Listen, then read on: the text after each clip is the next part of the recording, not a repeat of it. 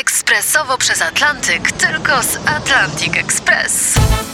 Z nami wyślesz co chcesz, kiedy chcesz, do kogo chcesz i to o 40% taniej. W Atlantic Express wysyłamy wszystko. 1 800 775 7363. Mienie przesiedleńcze, kontenery, paczki do Europy. Atlantic Express o 40% niższe ceny na wysyłki kontenerów, samochodów i paczek. Ekspresowo przez Atlantyk, tylko z Atlantic Express. Odeon Stanisława Janickiego.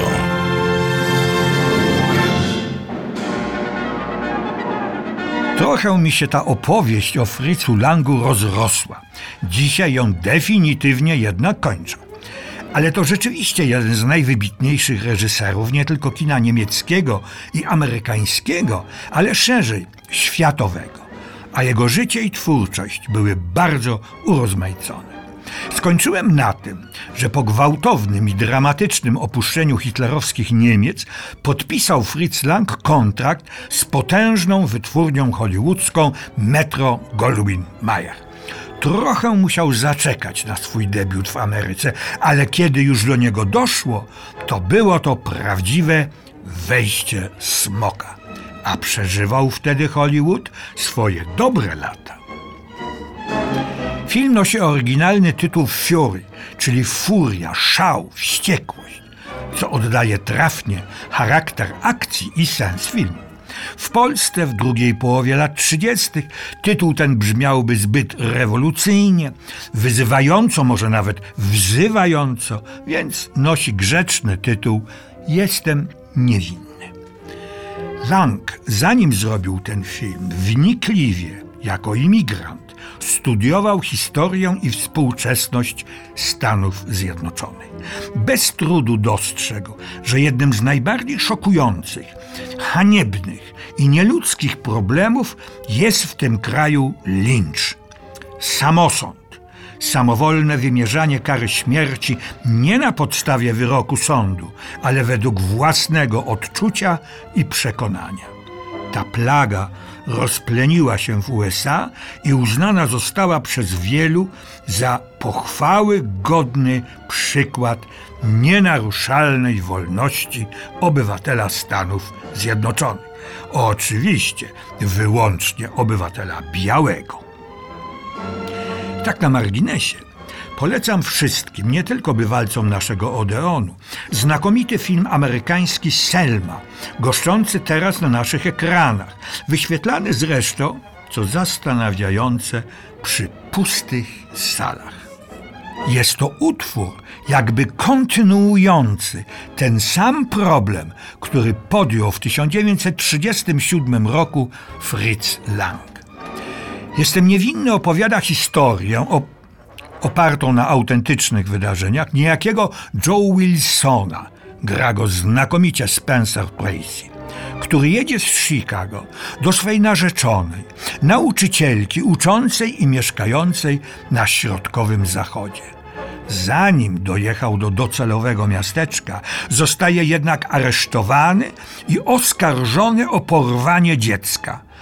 Przerażenie i oburzenie mieszkających tam ludzi rośnie z minuty na minutę. Tłum podpala nawet więzienie, w którym przebywa aresztowany i oskarżony jedynie na podstawie domniemań, niczym nieudokumentowanych przypuszczeń. W pewnym momencie sytuacja się odwraca i teraz prześladowany chce się w podobny sposób zemścić na tych, którzy go o mały figiel nie pozbawili życia. Trafnie pisze się, że Fritzowi Langowi nie chodziło o publicystyczny film ostrzeżenie, o film społecznego realizmu, lecz o syntetyczne uogólnienie, o protest przeciwko wszelkiemu gwałtowi. Nie sposób nie dodać, że Jestem niewinny jest filmem znakomicie, pod każdym względem zrealizowanym. Świetna budowa dramaturgiczna, charakterystyka postaci, prowadzenie aktorów itd., tak itd. Tak Wobec czego jest rzeczą oczywistą, że wrota fabryki snów stanęły przed Fritzem Langem otworem. Następne filmy nie miały tej ogromnej, niezwykłej siły pierwszego hollywoodzkiego filmu Fritza Langa, ale wszystkie były dobre i godne uwagi. Zaraz dodam, że były bardzo urozmaicone i Lang pokazał, że dobry, twórczy reżyser z każdym gatunkiem się upora i poniżej dopuszczalnego, wysokiego poziomu nie zejdzie. Dowodem na to są kolejne filmy. Za cenę życia, podejmujący bolesny problem niesprawiedliwych wyroków wydawanych przez sądy amerykańskie. Społeczny temat podejmował też ten, którego pokochałam. Wszystkie miały swe premiery pod koniec 30. lat. Producentów, ale przede wszystkim krytyków i widzów zaskoczył Lang dwoma klasycznymi, ale ambitnymi westernami. Powrót Franka Jamesa i napad na Western Union. Oba na początku lat 40. Kilka lat później powstał kapitalny, zaskakujący, tajemniczy kryminał Kobieta w oknie. Fritz Lang musiał darzyć niezwykłym uznaniem i być zafascynowany mistrzem kina francuskiego Jean Renoir, skoro zrobił dwa remake'i jego znanych filmów Suka i Bestia ludzka. A żeby tego nie było dosyć, powstała w 1955 roku Księżycowa Flotylla, film kostiumowy, historyczny. Akcja toczy się w XVIII wieku na wybrzeżu kornwalijskim, w którym, jak pisano Fritz Lang, sięgnął do poezji i mrocznego romantyzmu, który rozwijał w latach dwudziestych choćby w Zmęczonej Śmierci czy Nibelungach. Film ten powstał jako panoramiczny. To była wtedy absolutna nowość. Ale o tym kształcie ekranu Lang wyrażał się wielce pogardliwie. To nie dla ludzi, nadaje się dla węży i pogrzebów. To sławne zdanie wypowiedział Fritz Lang w filmie Godarda Pogarda, w którym zagrał sam siebie. Na kilka lat Lang wrócił do Niemiec, gdzie zrealizował egzotyczno-przygodowy remake supergiganta indyjski Grobowiec, jednak bez większego efektu, oraz ciąg dalszy życia i losów doktora Mabuzy. Również bez większego powodzenia. Wrócił więc do swego domu w Beverly Hills. Zmarł tam w 1976 roku w wieku 86 lat. Encyklopedie mniej więcej tak podsumowują jego twórczość.